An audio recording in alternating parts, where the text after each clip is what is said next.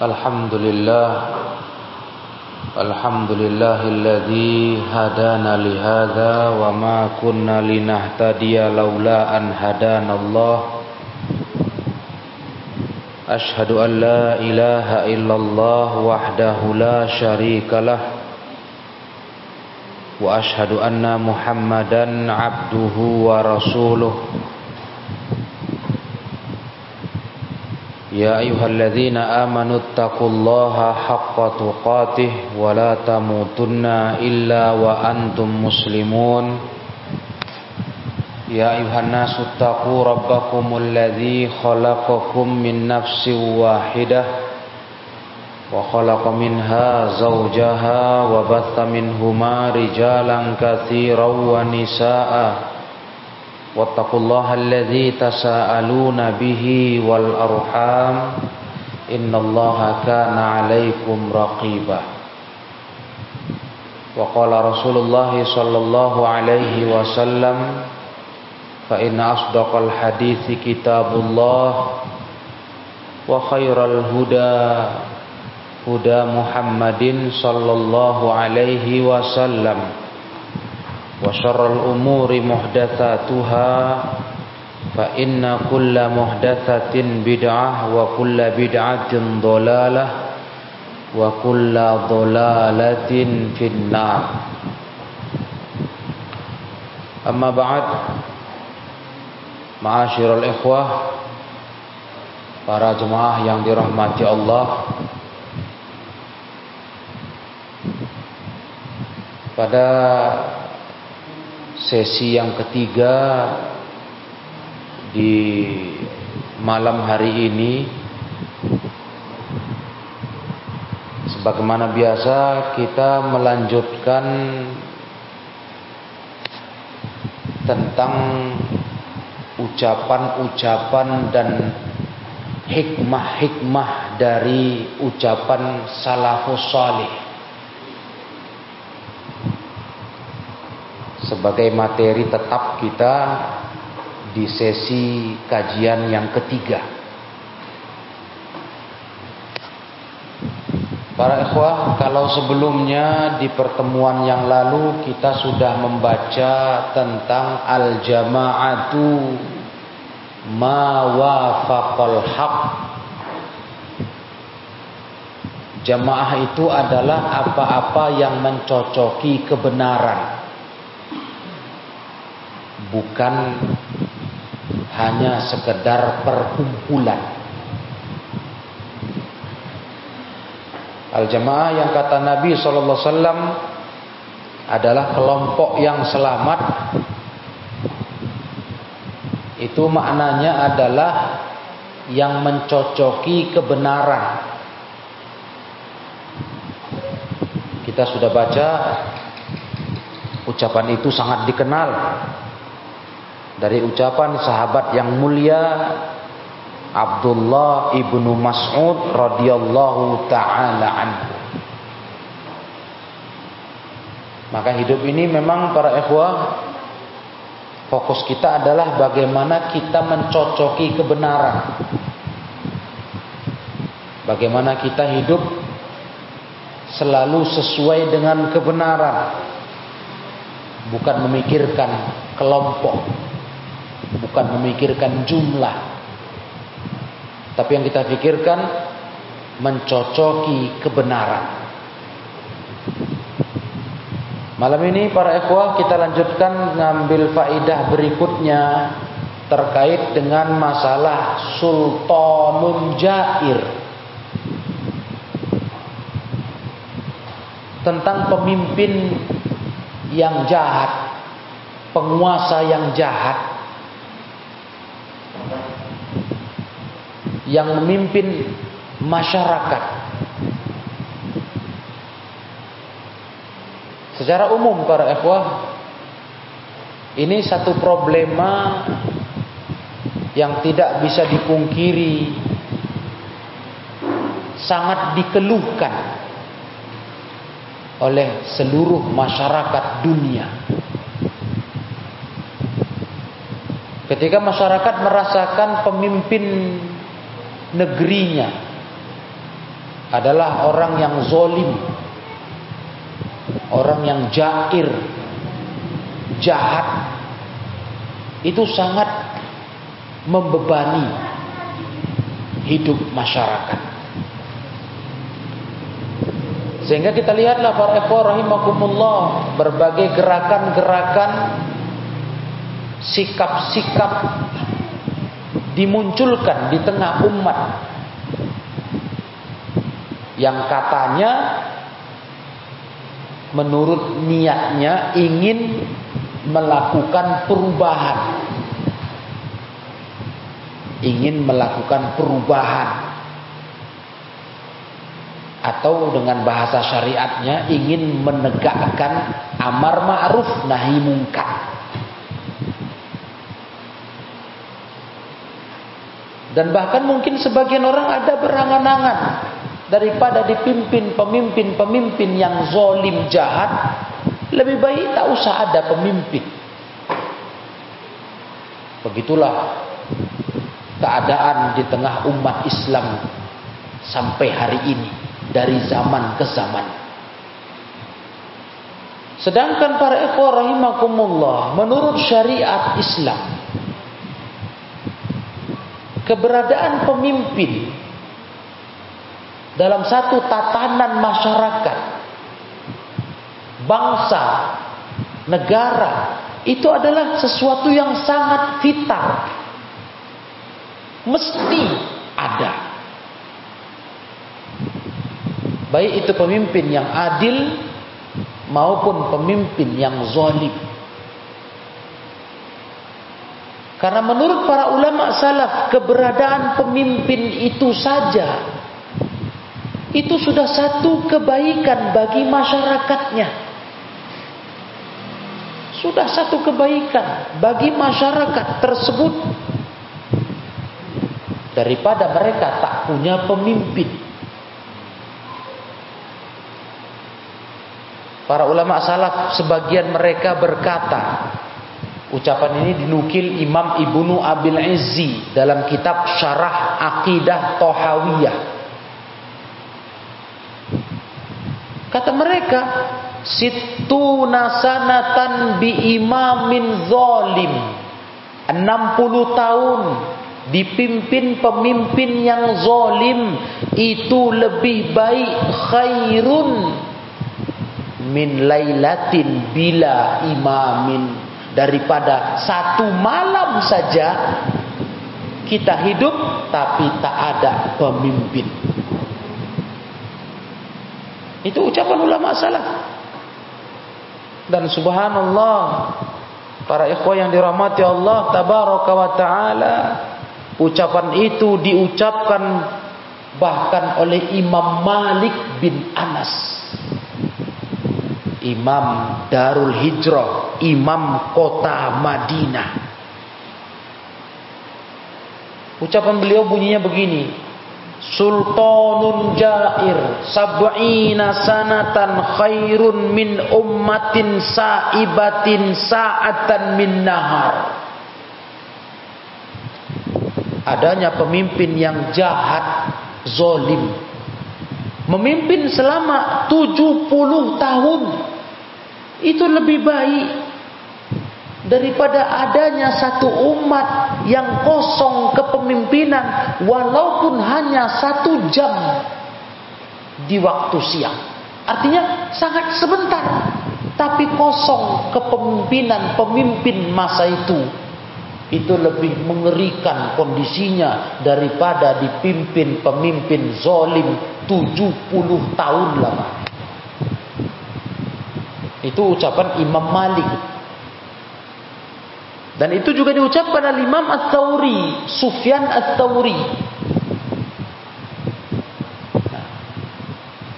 Jadi jemaah yang dirahmati Allah tabaraka wa taala. Kembali kita kepada apa yang hari ini terus dikeluhkan. Terus dikeluhkan. Ini bahasanya.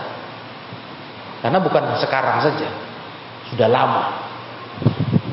Terus dikeluhkan oleh masyarakat. Di saat mereka merasakan kurang puas dengan kepemimpinan pemimpin mereka. Kurang puas. Atau mungkin merasa dirugikan dengan kebijakan-kebijakan yang diputuskan pemimpin mereka. Maka timbullah para ikhwah rahimakumullah sikap-sikap yang jauh dari tuntunan agama.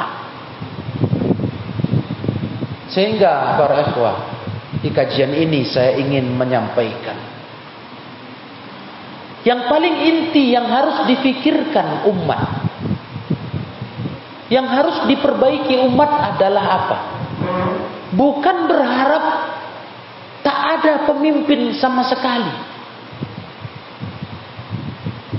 Bukan berharap tak usah ada pemimpin yang memimpin kita kalau zolim. Bukan begitu.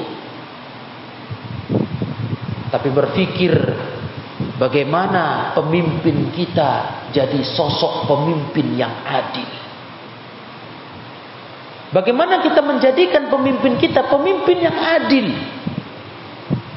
Itu yang harus dipikirkan. Bukan sibuk mengeluhkan pemimpin yang zolim, yang dipandang tidak adil dan bijaksana. Kemudian melakukan tindakan-tindakan yang merusak ketentraman hidup manusia. Nah, baik dengan perbuatan-perbuatan, ucapan-ucapan, lisan, atau dari perbuatan badan, nauzubillah, tindakan-tindakan yang tidak terpuji. Bukan begitu. Dalam manhaj salafus salih ridwanullah alaihi majma'in kita dididik Salafus salih itu adalah orang-orang yang yuwalluna umurul wilayatil ammah ihtimaman khasan. Mereka para salafus salih ridwanullah alaihi majma'in itu orang-orang yang terus berusaha untuk mengurus urusan masyarakat umum. Peduli secara umum dengan masyarakatnya. Nah, dan mereka para ikhwah salafus salih ridwanullah alaih majma'in berusaha memperbaiki masyarakat mereka. Karena ternyata ikhwah dari surah Al-Qur'an pernah Allah berfirman wa kadzalika nuwalli ba'dahum ba'dha Demikianlah kata Allah. Kami menjadikan sebagian mereka kaum yang zalim itu menjadi wali bagi sebagian lainnya. Berarti dalam penafsiran diterangkan ulama ketika pemimpin kita zolim, ketika pemimpin kita tidak baik, itu rupanya bentuk dari resiko masyarakatnya tidak baik. Nuwalli ba'dahum ba'dah. Kami jadikan sebagian mereka dengan sebagian lainnya saling memimpin. Jadi salah satu tanda masyarakat itu kurang baik, Allah kasih pemimpin yang kurang baik. Itu dalam Islam. Tanda masyarakat kurang baik, Allah kasih pemimpin kurang baik. Orang zolim itu saling memimpin satu dengan lainnya. Sehingga ulama salafus salih ridwanullah alaihi majma'in menyadari upaya yang paling benar memperbaiki pemimpin yang zolim agar jadi pemimpin yang adil adalah dari dasar, dari bawah, dari umat, dari masyarakat. Itulah langkah yang paling tepat. Ya karena ada kaitannya. Ada hubungannya. Pemimpin yang zolim itu dampak karena rakyatnya pun zolim. Itu masalahnya. Cuma kan kadang namanya rakyat. Rakyat ini kan istilahnya orang bawahan. Ya. Orang bawahan. Jadi tidak terlalu disoroti tidak terlalu disoroti tingkah lakunya Kalau pemimpin kan orang atas. Sesuatu yang tinggi. Semakin tinggi sesuatu, semakin jadi sorotan. Maka sesuatu yang tinggi semakin nampak cacatnya, semakin nampak kekurangannya karena dia semakin dilihat orang. Nah, itu masalahnya, Eko. Jadi kalau kita mau sadar para jemaah yang saya muliakan, kita memandang diri kita berkaca dengan tingkah laku kita. Subhanallah. Betapa banyak kezoliman-kezoliman yang selama ini mungkin kita katakan dosanya pemerintah. Dosanya pemimpin-pemimpin. Rupanya itu adalah bagian dari ulah kita juga tingkah kita juga. Subhanallah, para ikhwah rahimakumullah. Makanya salah satu kenikmatan yang paling besar yang diberi Allah kepada masyarakat adalah ketika Allah Ta'ala menjadikan pemimpin mereka pemimpin yang baik. Karena itu balasan atas kebaikan masyarakat tersebut. Hmm. Ikhwanifidin Kenapa kita nggak menyadari Ternyata kezoliman-kezoliman yang kita lakukan selama ini Dosa-dosa kita sebagai umat manusia Sebagai rakyat Ternyata itu punya dampak. Bisa memberi dampak pengaruh Akan mutu para pemimpin kita. Efeknya nyata. Sahabat Ali radhiyallahu taala anhu berkata yang menjelaskan tentang pentingnya sosok pemimpin itu. Yang tak pantas urusan pemimpin para penguasa itu dirusuhi dibuat kacau dibuat terganggu. Tidak boleh. Kenapa? Kata Ali bin Abi Thalib Inna nasa la yuslihuhum illa imamun. Yang namanya manusia, nggak ada yang bisa memperbaiki hidup mereka kecuali adanya seorang pemimpin. Imamun, hakimun, amun, hakim yang sifatnya memimpin semua masyarakat. Ya, komunitas manusia ini, tatanan hidup manusia ini harus ada yang mimpinnya. Harus ada penguasanya. Kalau penguasa nggak ada, tak ada yang memimpin, kacau balau kita nanti. Itu kata Ali bin Abi Thalib. Baik pemimpin itu barun au fajir, pemimpin baik, pemimpin bagus ataupun jahat, sama saja. Tetap kedua-duanya adalah penyebab bagusnya manusia. Butuhnya manusia ke pemimpin itu, baik pemimpin yang bagus, pemimpin yang baik maupun yang jahat, itu tetaplah penting, mendesak. Tidak bisa tidak. Nah, bayangkan para ikhwarahimakumullah ucapan tadi Imam Malik, Sufyan Ats-Tsauri 70 tahun dipimpin pemimpin jahat lebih baik daripada satu malam kita hidup tak ada pemimpin di tengah kita. Tak ada pemerintah yang diakui. Tak ada penguasa. Jadi luar biasa ini ikhwanifidin rahimakumullah. Manhat ahli sunnah mengajarkan kita untuk mengenal hak pemimpin. Pemimpin manusia. Penguasa-penguasa yang punya jabatan manusia. Ketika kita merasakan mereka menjadi pemimpin yang zolim, pendosa. Tentu kita harus mencari solusinya dengan cara syariat, cara Islam. Nah, bukan dengan hawa nafsu, bukan bukan dengan menurut kita, menurut pikiran kita, tidak, tapi dengan syariat.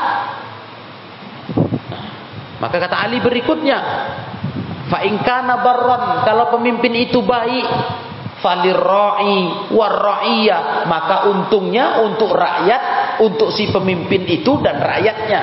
Alhamdulillah. Kalau ternyata Allah beri kepada masyarakat pemimpin yang baik Maka tentu kebaikannya merata untuk dirinya dan untuk rakyat. Tapi wa ingkana fajiron kalau ternyata pemimpin itu fajir pendosa, apakah terus kita katakan tak ada gunanya dia ada? Tak ada gunanya dia berkuasa. Hanya menyengsarakan rakyat. Tidak. Tapi apa kata Ali bin Abi Thalib? Abada fihil mu'minu rabbah wa amila fihil fajir ila ajalih. Subhanallah. Kalaupun kita punya pemimpin yang jahat, maka kata Ali bin Abi Thalib, ya sudah, seorang mukmin sibukkan saja beribadah kepada Tuhannya. Yang pasti keberadaan pemimpin walaupun dia jahat itu lebih baik daripada nggak ada pemimpin. Bagi kita rakyat, ketika mendapatkan merasakan pemimpin zalim, pemimpin jahat, kita sibukkan beribadah kepada Allah sambil berusaha memperbaiki diri agar Allah taala mengganti pemimpin kita menjadi orang baik baik diganti orang ataupun dia berubah kepada kebaikan. Itu cara fikir ahli sunnah. Ketika mereka mendapati pemimpin yang tidak baik pemimpin yang tidak bagus dalam mengurus rakyatnya Wa amila fihil fajr ila ajali. Adapun si pemimpin yang jahat itu biarkan saja. Dia mau berbuat apa pun toh ada masa akhirnya. Akan berakhir jugalah semua hidup ini.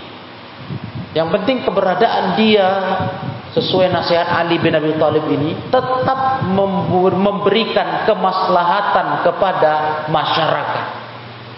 Ya karena kita butuh pemerintahan para ikhwan yang bisa mengatur masyarakat ini. Sekalipun mungkin pengaturannya banyak yang merugikan atau dirasalah merugikan. Karena masalah fonis ini merugikan atau tidak itu butuh pendalaman ya. Nggak bisa sepihak saja. Karena kalau sepihak saja kacau nanti. Diserahkan ke penilaian rakyat. Nah, rakyat tentu menilai dengan kapasitasnya sesuatu yang zohirnya dia pandang memberatkan peraturan itu langsung dia sikapi dengan sikap yang buruk. Diberilah cap. Ah ini keputusan zolim. Ini keputusan tak bijaksana dan sebagainya. Mungkin dari sisi pemimpin lain pula cara pandangnya. Pertimbangannya beda. Ah dari sisi dari sisi itu saja ikhwah. Sudah tak bisa kita buru-buru memutuskan buruknya, jeleknya kepemimpinan pemimpin dengan hanya satu dua kasus saja. Itu makanya kata Ali bin Abi Thalib, tak bisa bagus urusan hamba, urusan manusia kecuali dengan adanya imam pemimpin. Tak bisa bagus. Pokoknya harus ada pemimpin. Mau pemimpin baik, mau buruk, pokoknya harus ada pemimpin. Kalau baik udah jelas kita faidahnya untuk kita bersama. Kalau buruk, apa bagusnya?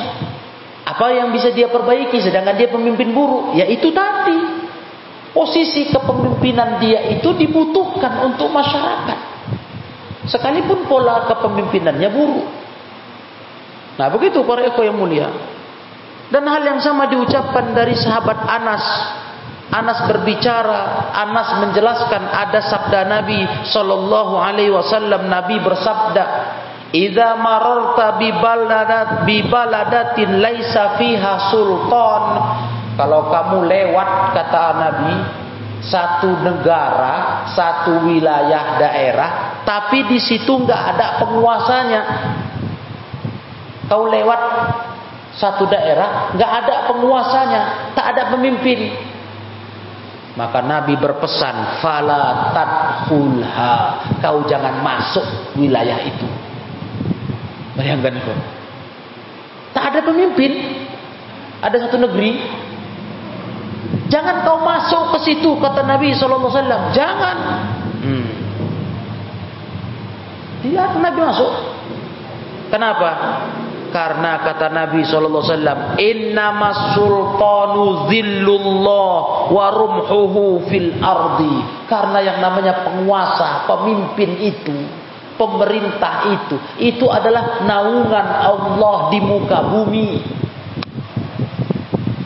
Jadi kebutuhan kita akan kepemimpinan pemimpin para jemaah itu mesti darurat. Kalau enggak rusak tatanan masyarakat, hancur. Kalau enggak ada yang dianggap, dipandang, diakui memimpin masyarakat, hancur. Masya Allah. Itu makanya kaum muslimin yang dimuliakan Allah tabaraka wa taala, Islam menyuruh kita untuk memuliakan pemimpin. Ada hak mereka yang harus dipenuhi oleh rakyat masyarakat. Ada hak mereka yang mesti diberikan oleh rakyat. Kalau mereka orang baik, pemimpin kita orang-orang bagus, ya alhamdulillah. Tentu hak mereka sangat nyata untuk kita berikan ya sebagai wujud ketaatan kita, kepatuhan kita kepada mereka dan rasa syukur terima kasih kita atas kebaikan mereka. Itu jelas kalau baik. Bagaimana kalau pemimpin yang buruk? Tetap mereka punya hak para ikhwan rahimakumullah. Apa di antara hak mereka kalaupun kita sudah melihat keburukan mereka nyata, mereka punya hak untuk diberi nasihat. Salah satu jihad yang paling utama tentu ikhwah tahu Nabi bersabda, "Afdolul jihadi kalimatu haqqin inda sultanil jair."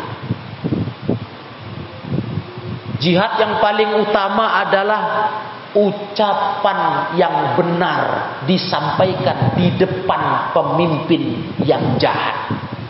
Nasihat. Ucapan itu di depannya, datang kepadanya khusus antara seseorang yang memberi nasihat itu dengan dia. Bukanlah ucapan yang baik itu, nasihat itu di depan khalayak ramai. Berkoar-koar menjelekkan pemerintah dengan dalil menasihati di mimbar-mimbar, di majelis-majelis ilmu. Bukan itu nasihat. Tapi nasihat itu Inda sultanin jair di sisi di depan pemimpin tersebut yang yang jair yang jahat tadi. Antaramu dengan dia kata Rasul. Antara kita yang mau ngasih nasihat dengan dia. Betul-betul tertutup karena menjaga muruah harga diri pemimpin. Pemimpin butuh harga diri di depan rakyat. Maka alangkah mengerikan di saat kita melihat orang-orang yang terus-menerus membongkar aib penguasa, menjelaskan kesalahan-kesalahan mereka yang kalaupun itu benar, itu enggak cara yang benar. Walaupun kesalahannya betul, sah itu kesalahan mereka, tapi cara menasihati atau merubah kesalahan itu dengan bercerita di depan masyarakat ramai bukan cara yang benar. Nah, itu para haknya pemimpin yang harus dikenal oleh umat Islam, oleh masyarakat. Ya. Harusnya masyarakat ini kata ulama terhadap pemimpin mereka antu azim sya'nahu. Agungkan besarkan urusan yang mereka sampaikan muliakan mereka min min ghairi ghuluwin wala jafa tapi tentu enggak pula berlebih-lebihan tidak pula terus menganggap semua apa keputusan pemimpin itu bagus, benar. Ya, ibarat para penjilat misalnya. Hah? Yang terus mengusung atau mengangkat-ngangkat pemimpin zolim tanpa adanya nasihat atas kezolimannya. Bukan itu pula dakwah salaf. Dakwah salaf kalau kesalahan itu muncul di pemimpin dikatakan itu salah. Cuma cara menyatakan itu salah ada etika. Nah itu dakwah salaf.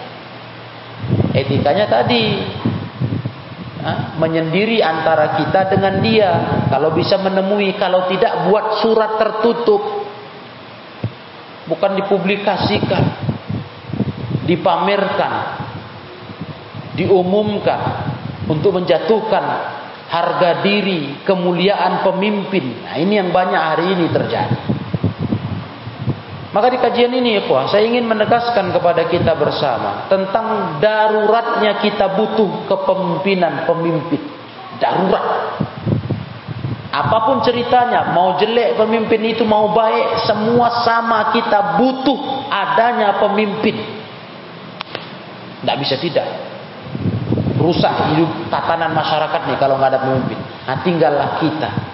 Ketika menghadapi pemimpin yang baik bagaimana, ketika menghadapi pemimpin yang buruk bagaimana. Semua dengan aturan Islam, semua dengan etika Islam. Nah, semua dengan aturannya. Dan Rasulullah SAW bersabda, Isma'u wa ati'u kepada rakyat, dengar oleh kalian, taati pemimpin kalian. Fa innama alaihim ma hummilu wa alaikum ma hummiltum. Kata Nabi, sesungguhnya pemimpin itu punya tugas yang mereka tanggung, tanggung jawabnya ada. Kita pun rakyat punya tanggung jawab juga. Yang pasti rakyat itu tanggung jawabnya mematuhi pemimpin. Tugas kita itu. Pemimpin tugas mereka mengayomi rakyat, mengurus. Nah sekarang bagaimana kalau ternyata ini yang sering ditanyakan. Ya kalau pemimpin itu baik, kita penuhilah hak dia. Sebagai rakyat kita penuhi hak dia. Taat, patuh. Lah kalau nggak baik bagaimana?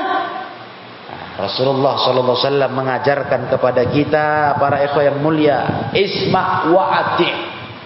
Tetap saja kau dengar, kau patuhi pemimpin itu kata Rasulullah SAW. Nah, tunaikan hak mereka. Adapun hak kalian yang enggak kalian dapati dari mereka, mereka tak memenuhi hak kalian, mereka buat aniaya, zolim, Allah Rasulullah berkata wasalullaha haqqakum kalian minta sama Allah saja hak kalian. Pemimpin nggak beri hak kita rakyat. Misalnya sedangkan kita disuruh memenuhi hak kita sebagai rakyat untuk dia hak dia sebagai pemimpin. Pokoknya tugas kita kerjakan saja. Urusan mereka nggak ngerjakan tugas mereka untuk kita sebagai rakyatnya. Kita nggak dapat jatah hak kita, kita minta sama Allah. Itu kata Rasulullah. Dan yang pasti ikhwah, itu semua ada hubungannya, ada kaitannya. Nggak mungkin Allah kasih kita pemimpin yang buruk kalau bukan karena ulah kita rakyat yang buruk juga. Nah, sehingga jangan semata-mata ikhwah menyalahkan pemimpin saja Nah, tanpa ada koreksi kepada rakyat, kepada masyarakat sendiri. Karena tidak lain tidak bukan para ikhwah rahimakumullah, itu semua adalah dampak buruk dosa kita. Begitulah kaum muslimin yang dirahmati Allah tabaraka wa taala. Intinya kita penuhi saja tugas kita kepada penguasa ini sebagai rakyat kita harus apa Berjalanlah dengan aturan yang benar sebagai rakyat. Adapun penguasa yang tak menjalankan tugasnya misalnya kita rasa begitu. Ya sudah, serahkan urusan itu kepada Allah. Minta saja hak kita kepada Allah kalau mereka nggak beri. Selesai. Sambil kita berusaha membenahi diri, mudah-mudahan Allah jadikan pemimpin kita yang zolim jadi pemimpin yang baik atau mungkin Allah ganti yang baik kan begitu itu dia teori sederhana metode sederhana yang enggak rumit-rumit dalam menyikapi pemimpin-pemimpin yang dianggap zolim. Ya begitulah kaum muslimin para jemaah rahimakumullah tabaraka wa taala. Dan di akhir dari bahasan ini ketika Rasul memerintahkan taat ke pemimpin sepanjang gak nyuruh yang dosa itu sahabat pernah bertanya kepada Rasul. Sampai ke mana ya Rasul? Sampai kapan? Sebatas apa? Kami harus taat harus sabar. Apa jawab Rasul? Wa in daraba dhahraka wa akhadha malaka fasma wa ati' walaupun mereka pemimpin itu memukul punggungmu dia rampok hartamu akhadha malak kau tetap dengar dan taati dia. Nah sekarang ini kok, ini pesan Nabi kan. Ini kan cakap Nabi, hadis-hadis dari Nabi. Mungkin nggak kok? Nabi memberi pesan kepada sahabatnya, kepada umat ini sesuatu yang ternyata itu tak benar, nggak cocok, nggak relevan dengan zaman ini. Mungkin nggak? Saya bicara begini kenapa kok? Karena banyak sekali, banyak sekali orang nggak setuju dengan hadis ini. Ah nggak bisa begitulah kata. Jadi saya tegaskan ya kok. Kita orang beriman tentu percaya cakap Nabi ini adalah wahyu. Nah, ini wahyu dari Allah. Maka ikuti aja arahan itu. Selesai. Nah, Allah akan kasih jalan keluar. Kalaupun betul kita merasakan adanya kejelekan pada pemimpin. Pokoknya taat dan dengarkan mereka. Patuhi sepanjang nggak nyuruh dosa. Selesai. Itu arahan wejangan Nabi. Maka kita pun patuh kepada Nabi Sallallahu Alaihi Wasallam. Nah demikianlah para jemaah. Satu poin tambahan ini dari ucapan salafus saleh, hikmah ucapan salafus saleh terkait dengan masalah pemimpin yang jahat dan sikap kita terhadap mereka. Semoga ini bermanfaat. Wallahu a'lam bissawab. Wa akhiru da'wana anil hamdulillahi rabbil alamin. Uh, pertanyaannya Ustaz Anda ingin bertanya bagaimana cara mengikhlaskan hati agar dapat menerima segala takdir yang datang dalam hidup baik takdir baik maupun buruk Bagaimana cara agar tidak mudah kecewa dalam rumah tangga? Cara mengikhlaskannya tidak lain dengan mempelajari ilmu takdir dan itu sudah kita bahas di kitab inilah Aslus Sunnah. Iya.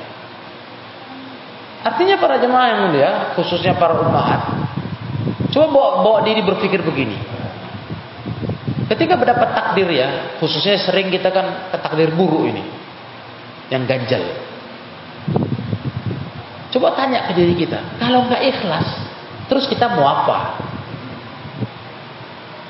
Itu teori sederhana yang yang sering diajarkan kepada umat ini oleh ulama. Terus mau apa? Bisa takdir itu ditolak? Bisa dibatalkan? Kan tidak bisa. Jadi nggak ada lain kecuali ikhlas terima dengan mengharap pahala. Itu saja dan yakin di, di dalam hati nggak ada yang sia-sia dari ketentuan Allah. Nah, itu pasang di hati kita. Apa pun yang Allah putuskan dalam hidup ini baik dan buruknya, itu pasti tak ada yang sia-sia penuh hikmah. Ikhlaslah itu hati nanti. Nah, ini caranya mah. Iya. Begitu pula bagaimana agar nggak mudah kecewa dalam rumah tangga. Ya, Caranya mudah. Sadarilah kita ini masih hidup di dunia. Ini rumah penuh cobaan. Bagaimana kita mau berharap nggak kecewa-kecewa di hidup ini baik dengan suami, dengan istri, dengan anak-anak. Namanya hidup di dunia.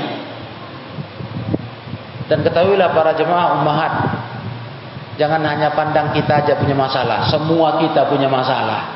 Cuman ada yang nyampaikan ke orang lain, ada yang tidak. Ada dia pendam-pendam sendiri, ada yang sampai ke sana kemari. Nah, ada yang dia sabar nggak ngeluh-ngeluh, ada yang suka dikeluhkan. Cuma kita sering berpikir, saya saja yang paling menderita ini. Orang lain bahagia. Tidak, orang lain juga punya masalah hidup. Tidak kita sadar itu. Karena kita masih di dunia, tempat ujian. Ini rumah ujian. Jadi harus sabar. Maaf. Harus sabar. harus gampang menerima dan gak mudah kecewa. Nah, dan akhir akhir dari jawaban ini saya sampaikan hadis Nabi la yafruku mu'minun mu'mina in sakhita minha khuluqan radiya minha akhar. Para ikhwah, para ummahat, ingat kata Nabi, jangan membenci berlebihan orang beriman dengan orang beriman lainnya.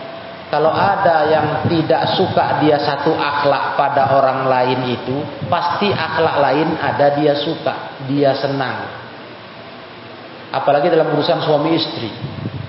Jangan hanya tengok ketika ada tingkah suami, tingkah istri yang bikin kita jengkel, bikin kita marah. Coba ingat-ingat tingkah baik lainnya kan ada.